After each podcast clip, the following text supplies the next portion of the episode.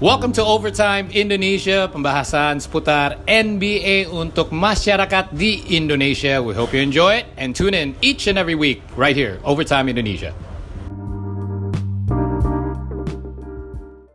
Oke guys, kembali lagi di Overtime Indonesia dan hari ini uh, gua kedatangan bintang tamu lagi dari Box Out. Ada Rana, Bro Rana, yo eh. What up, what up? Rana representing Box Out. Yo, eh, thank you Rana udah udah mau main-main nih ke Overtime Indonesia. Dan gua uh, di sini mumpung ada seorang Rana nih, gue pengen apa ya pengen karena temanya ini menurut gue ini tema yang ditanyakan oleh banyak manusia pada umumnya pecinta NBA yaitu apakah Houston Rockets bisa masuk Western Conference Finals menurut Luran ada kemungkinan nggak Ya kemungkinan ada, Ya. tapi tipis karena menurut gua they don't have a way untuk menghentikan apa yang disebut the Hamptons Five Oke. nya Golden State. Dia belum bisa menemukan adjustment yang pas untuk menghentikan kombinasi lineup yang isinya Iguodala, Ya. Draymond Green, Steph Curry, Klay Thompson, dan tentunya Kevin Durant. Ini Kevin Durant layaknya Iron Man ngomong I am Iron Man. Like Lionel Messi ngomong I'm Messi. Dia bilang dalam wawancara I am Kevin Durant dan Steve Kerr juga bilang Kevin Durant tuh hebatnya adalah dia bisa mengambil tembakan apa pun yang dia mau dan tidak bisa dihentikan. Dan sama nggak bisa dihentiin sama uh, Rockets. Tapi lebih pentingnya lagi ketika misalnya ada yang off let's say Steph Curry yang menurut gua sebenarnya di game 2 kemarin mainnya B aja ya untuk standar Steph Curry. Lo bisa ngelihat pemain-pemain yang lain step up. Iguodala played big Draymond Green. Menurut gua perannya signifikan banget. Kita lagi melihat Draymond Green kembali ke Draymond Green yang di musim 2015 2016 di mana dia sebenarnya yang menjadi fondasinya Golden State. Karena kita mesti ingat sebelum ada zamannya KD orang kan taunya lineup of death kan pick and Ya. roll dia sama Steph Curry yang nggak bisa dihentiin karena versatility Ya. dari keduanya. Dia dia juga bilang he is in the best shape of his life. Uh, at least sepanjang musim ini. Mungkin dia sedikit lebih lambat ketika regular season tapi ketika lagi playoff lagi prima kita bisa lihat dia lebih ulet lebih aktif lebih di mana-mana lebih dinamis. Dan uh, kombinasi ini uh, ketika Houston berusaha switching untuk menghentikan mereka belum belum belum ketemu jawabannya dan gue nggak Hmm. yakin they can find a way to stop this Warriors team Tapi kan Houston nambah banyak pemain sebenarnya kan. Ada ada Nene, Nene itu udah oh ya Kenneth Farid yang paling baru kan Kenneth Farid. Terus mereka kan sekarang big man ada tiga yang menurut gua cukup cukup gokil ya. Nene, Kenneth Farid, terus Clint Capella. Terus eh, mereka juga guards guardsnya ada kayak eh, Green, terus eh, Gordonnya juga sempat bagus, PJ Tucker defense-nya bagus. Menurut lu dengan dengan Houston Rockets yang sekarang ya, yang lebih mungkin bisa dibilang jauh lebih matang ya untuk me- untuk menghadapi Warriors, belum bisa juga tuh. Oke, kalau matang secara pengalaman, tapi menurut gua Hah. semua pemain yang tadi kalau dibandingin sama dua pemain kunci yang eh, tim Rockets ini kehilangan musim dari musim lalu, Ariza sama Mbah Muta. Oke. Menurut gua dalam melakukan defense mereka tidak se-versatile Oh. dua pemain itu. Wa- Iya. Kecuali mungkin Capella, tapi yang yang yang yang yang di eh, apa namanya di series ini menurut gua sama sekali belum show up ya. Ya. Permasalahannya ya ketika melawan Hamptons Five tadi Oke. let's say nih ini di, di game 2 salah satu uh, perbedaan terbesarnya adalah dalam segi rebounding. Jumlah possession yang didapatkan sama uh, Golden State itu 91 berbanding dengan 77 Wow. possession Rockets. Itu yang disebut sama idolanya Kemal Palevi ini Chris Paul, Chris Paul, sebagai pembeda utamanya. Hah. Um, karena gini loh. Golden State tim yang jago banget nembak. Ketika Oke. dia nggak masuk, dia dapat offense rebound, dapat second chance.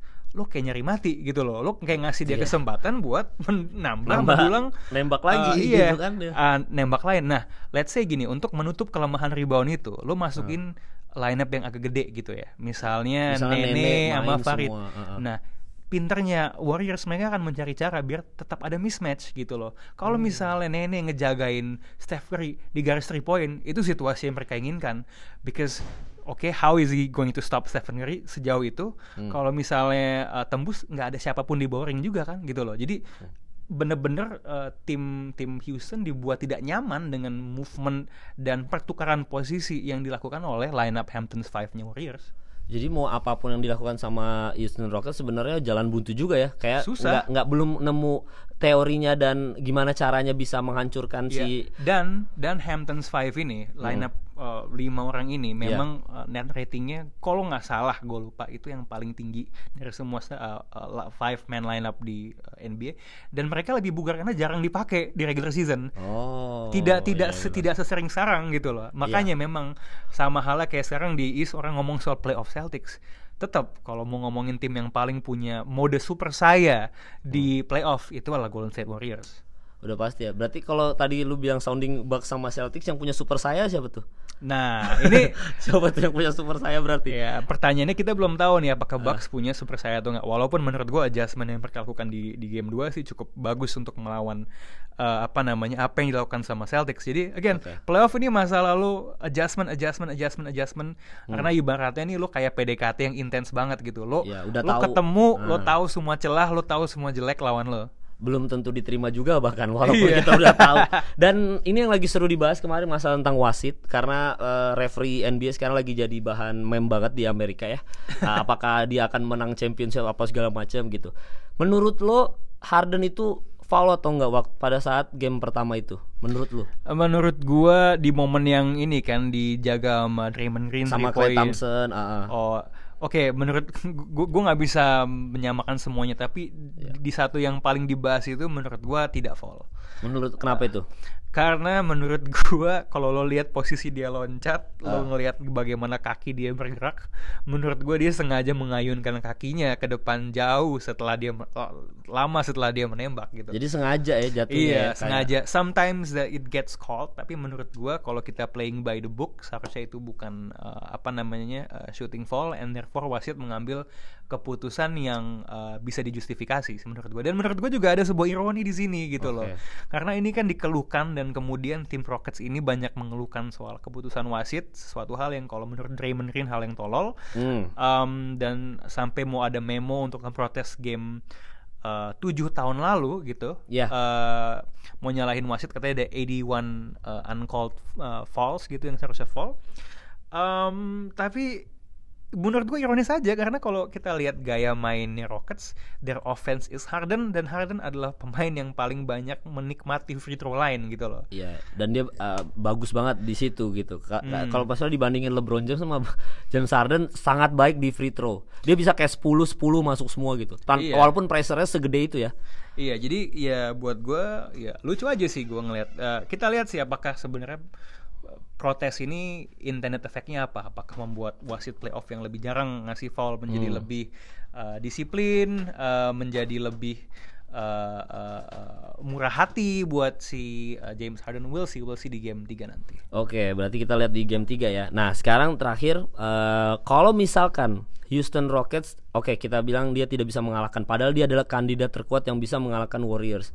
Apakah ada salah satu tim dari East menurut lo yang bakal setidaknya sampai game 7 lah sama Warriors gitu? Ada nggak? Gue nggak tahu apakah sampai game 7 atau enggak, tapi gue yakin rap uh, in this uh, Bucks Celtics Raptors bisa Yeah. ngasih series yang lebih kompetitif melawan uh, apa namanya Uh, Warriors. Jauh lebih dari Rockets. Jauh dari Rockets.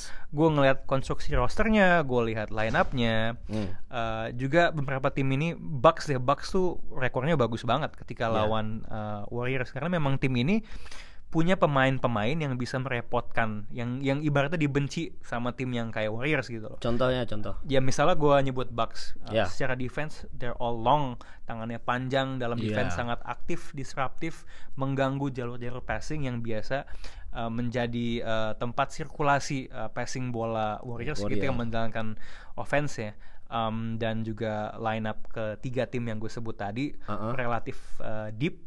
Jadi Jauh bisa- lebih deep daripada Houston Rockets sih justru ya. Um, well to be honest, um, kalau perbandingannya sama Rockets, gue ngelihatnya lebih well balanced sih sebenarnya. Oke. Dalam artian gini deh lo ngeliat Rockets kan memang sangat hard- Harden centric. Oke lah dia punya Iya. Paul cuman sangat sangat sangat uh, apa namanya Iya. skewed gitu. Eh, Cuman Harden dikasih kebebasan Iya. banyak sebanyak itu nembak gitu. Ya, dan eh, apa namanya kayak misalnya nih Rockets tuh menurut gua nggak punya pemain kayak Al Horford di Celtics gitu. Big man yang bisa ngelakuin tugas big man tapi bisa Capella uh, nggak- nge-shoot nggak- juga. nggak- nggak sesuai di- kapasitas Dia tuh. kan cuma rim rolling aja sama defense. Iya. Dia biasanya nerima-nerima lob dari Harden yang sejauh ini dimatikan sama Warriors. Lo sering nggak ngelihat uh, Capella ngelakuin dunk kayak biasa? Uh, jarang banget. Jarang. game nah. satu game dua ya. Nah, Paling nah. ada satu dua aliu. Right. Ya udah. Lo inget udah. karena jarang gitu kan, bukan Iya. karena terjadi gitu. Bener. Jadi gue ngeliatnya di East tuh siapa pun yang keluar dari East seharusnya bisa memberikan perlawanan yang lebih kompetitif daripada Rockets sih.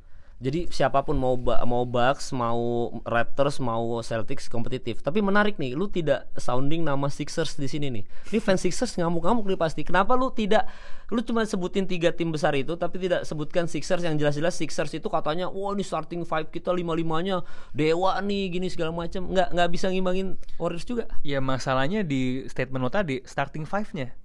Satu. patokannya di situ ya. Ya starting five-nya aja itu satu. Mm-mm. Kedua menurut gua kalau kita lihat starting five-nya aja itu belum belum apa ya ngegel eh, belum belum seklik sesmooth permainan-permainan yang ditunjukin sama Raptors atau Bucks atau Oke. Celtics yang lebih berasa ada sebuah sistem. Kedua di starting five itu menurut gue JJ Redick akan selalu diincar sama pemain lawan karena he is a defensive liability. Iya. Kedua menurut gue eh, ket- ketiga benchnya menurut gue sebenarnya tidak sebagus Raptors walaupun kemarin di game 2 lawan Raptors lumayan bagus ya. Greg tidak sebagus Eh, ya sama si James Ennis Eh, tidak sebagus dan seseimbang eh, Raptors, eh, Celtics dan eh, Bucks. In in a in apa namanya in they can beat eh, Warriors on their day gitu. Cuman in eh, seven game series sih gue nggak akan bertaruh pada Sixers untuk Iya. mengalahkan Warriors sih. Karena mereka kayak lima-limanya kayak musuhan kayak nggak temenan gitu ya kayak nggak nggak klop gitu Sixers ya. Ya, itu kan yang juga sebenarnya dibahas ya karena ada rumor yang bilang kalau uh, Simmons sama Embiid tuh nggak seharmonis itu. Walaupun menurut gue juga nggak nggak musuhan juga dan juga ada pemain-pemain yang mungkin kayak Tobias Harris who knows apakah dia akan masih ada di tim itu tahun depan gitu kan. Jadi um, belum belum belum seklik tim-tim lainnya sih gue ngeliatnya di mana misalnya kalau Bucks ngeliat oke ini sistemnya adalah Giannis and then semuanya spread the floor gitu kan. Yeah. Celtics punya be- berbagai line up dan second unit yang kuat banget bench Celtics tuh. I luar mean come on lah Gordon Hayward on your bench gitu. Iya, Menurut gue tidak ada yang punya pemain dengan level Gordon Hayward di benchnya di East dan bahkan juga di West. Kalau kalau Iya, kalau kalau kalau kita mau ngelihat Hayward dalam uh, kapasitas maksimalnya ya. So, Iya. menurut gua gua ke- gua kembali tim-tim di sini menurut gua seharusnya kalau dia keluar dari persaingan di timur seharusnya bisa memberikan perlawanan yang lebih kompetitif. Plus satu lagi terakhir Hmm. the coaching factor. Gua hampir lupa. Mm, kenapa itu? I mean Brad Stevens one of the best basketball minds yang ada di US. Oke. Kemudian daripada uh, Budenholzer sama Nick Nurse. well, B- Bud juga bagus gitu. Iya. Um, Nick Nurse bagus, Masih cuman kan biru, memang masih- memang masih agak hijau ya musim Iya. pertamanya. Ya Brad Brown banyak dipertanyakan kan, walaupun Iya. adjustment dia berhasil di game 2 Gua nggak suka pelatihnya Eh. Sixers. Menurut gua nggak nggak kompeten untuk nge- ngemegang lima superstar ini menurut gua. iya karena sempat ada ini kan apa namanya eh, yang dia eh, shouting war sama si Jimmy Butler kan Iya, awal iya. musim kan. Tapi tapi I mean I, have to give credit where credit is due gitu. Dalam artian Iya. adjustment yang dia lakukan di game 2 berhasil. Iya. Apakah itu akan di counter nanti di game 3? We'll see. dengan mudah karena ada Kawhi Leonard gila. Ini MVP Finals ini nggak main-main tapi terakhir sebelum kita udahan ini gue pengen tahu aja impian lu tuh Finals tuh Warriors ketemu siapa di kepala lu? Ini gue pengen banget lihat tim ini menang apa main lawan Warriors di final. Satu tim dari East. Pick one. Uh, I wanna go with Warriors lawan Bucks sih gua. Itu Iya. Oh, jadi kalau menurut lu lebih lu lebih pengen lihat nonton Warriors sama Bucks ya Ya sesimpel karena gue pengen lihat uh, duel Giannis lawan KD in the final. akhirnya ada yang match up sama KD bisa jagain KD Uh, that and ibaratnya gini loh, KD itu you could say sekarang dia pemain terbaik di dunia gitu kan. Iya. Nah dan Giannis gue rasa adalah di uh, seharusnya menjadi MVP. So I just wanna see finalnya memang benar-benar mempertemukan dua dua pemain terbaik di liga. Oke, berarti eh, menurut Rana, Bro Rana begitu guys. Eh, sekali lagi thank you Rana udah main ke Overtime Indonesia. Nanti kapan-kapan gua ajak lagi, oke? Ya dan dan juga Kemal thank you walaupun bilangnya main convert time sebenarnya Kemal yang lagi main ke tempat box out sekarang. Iya sebenarnya, tapi kan karena lagi rekaman aja sosok kayak, "Wah, ini main overtime." By the way, kita nanti eh, kalau jadi mau ada beberapa nobar-nobar basket bareng overtime sama box out. Kalau misalkan kalian deng- lagi dengar podcast ini, ya sambil dilihat lihat-lihat aja Instagramnya box out, eh box to box ya atau Instagramnya Rana pribadi. Instagram lo apa Ran? Eh, Rana Ditya underscore. Ya Rana Aditya underscore di follow atau kayak Pak Levi karena nanti mungkin ada informasi kita bisa kongko bareng ngumpul ngomongin uh, NBA. So thank you udah dengerin Overtime Indonesia episode kali ini sampai bertemu di episode selanjutnya. Caps dulu guys.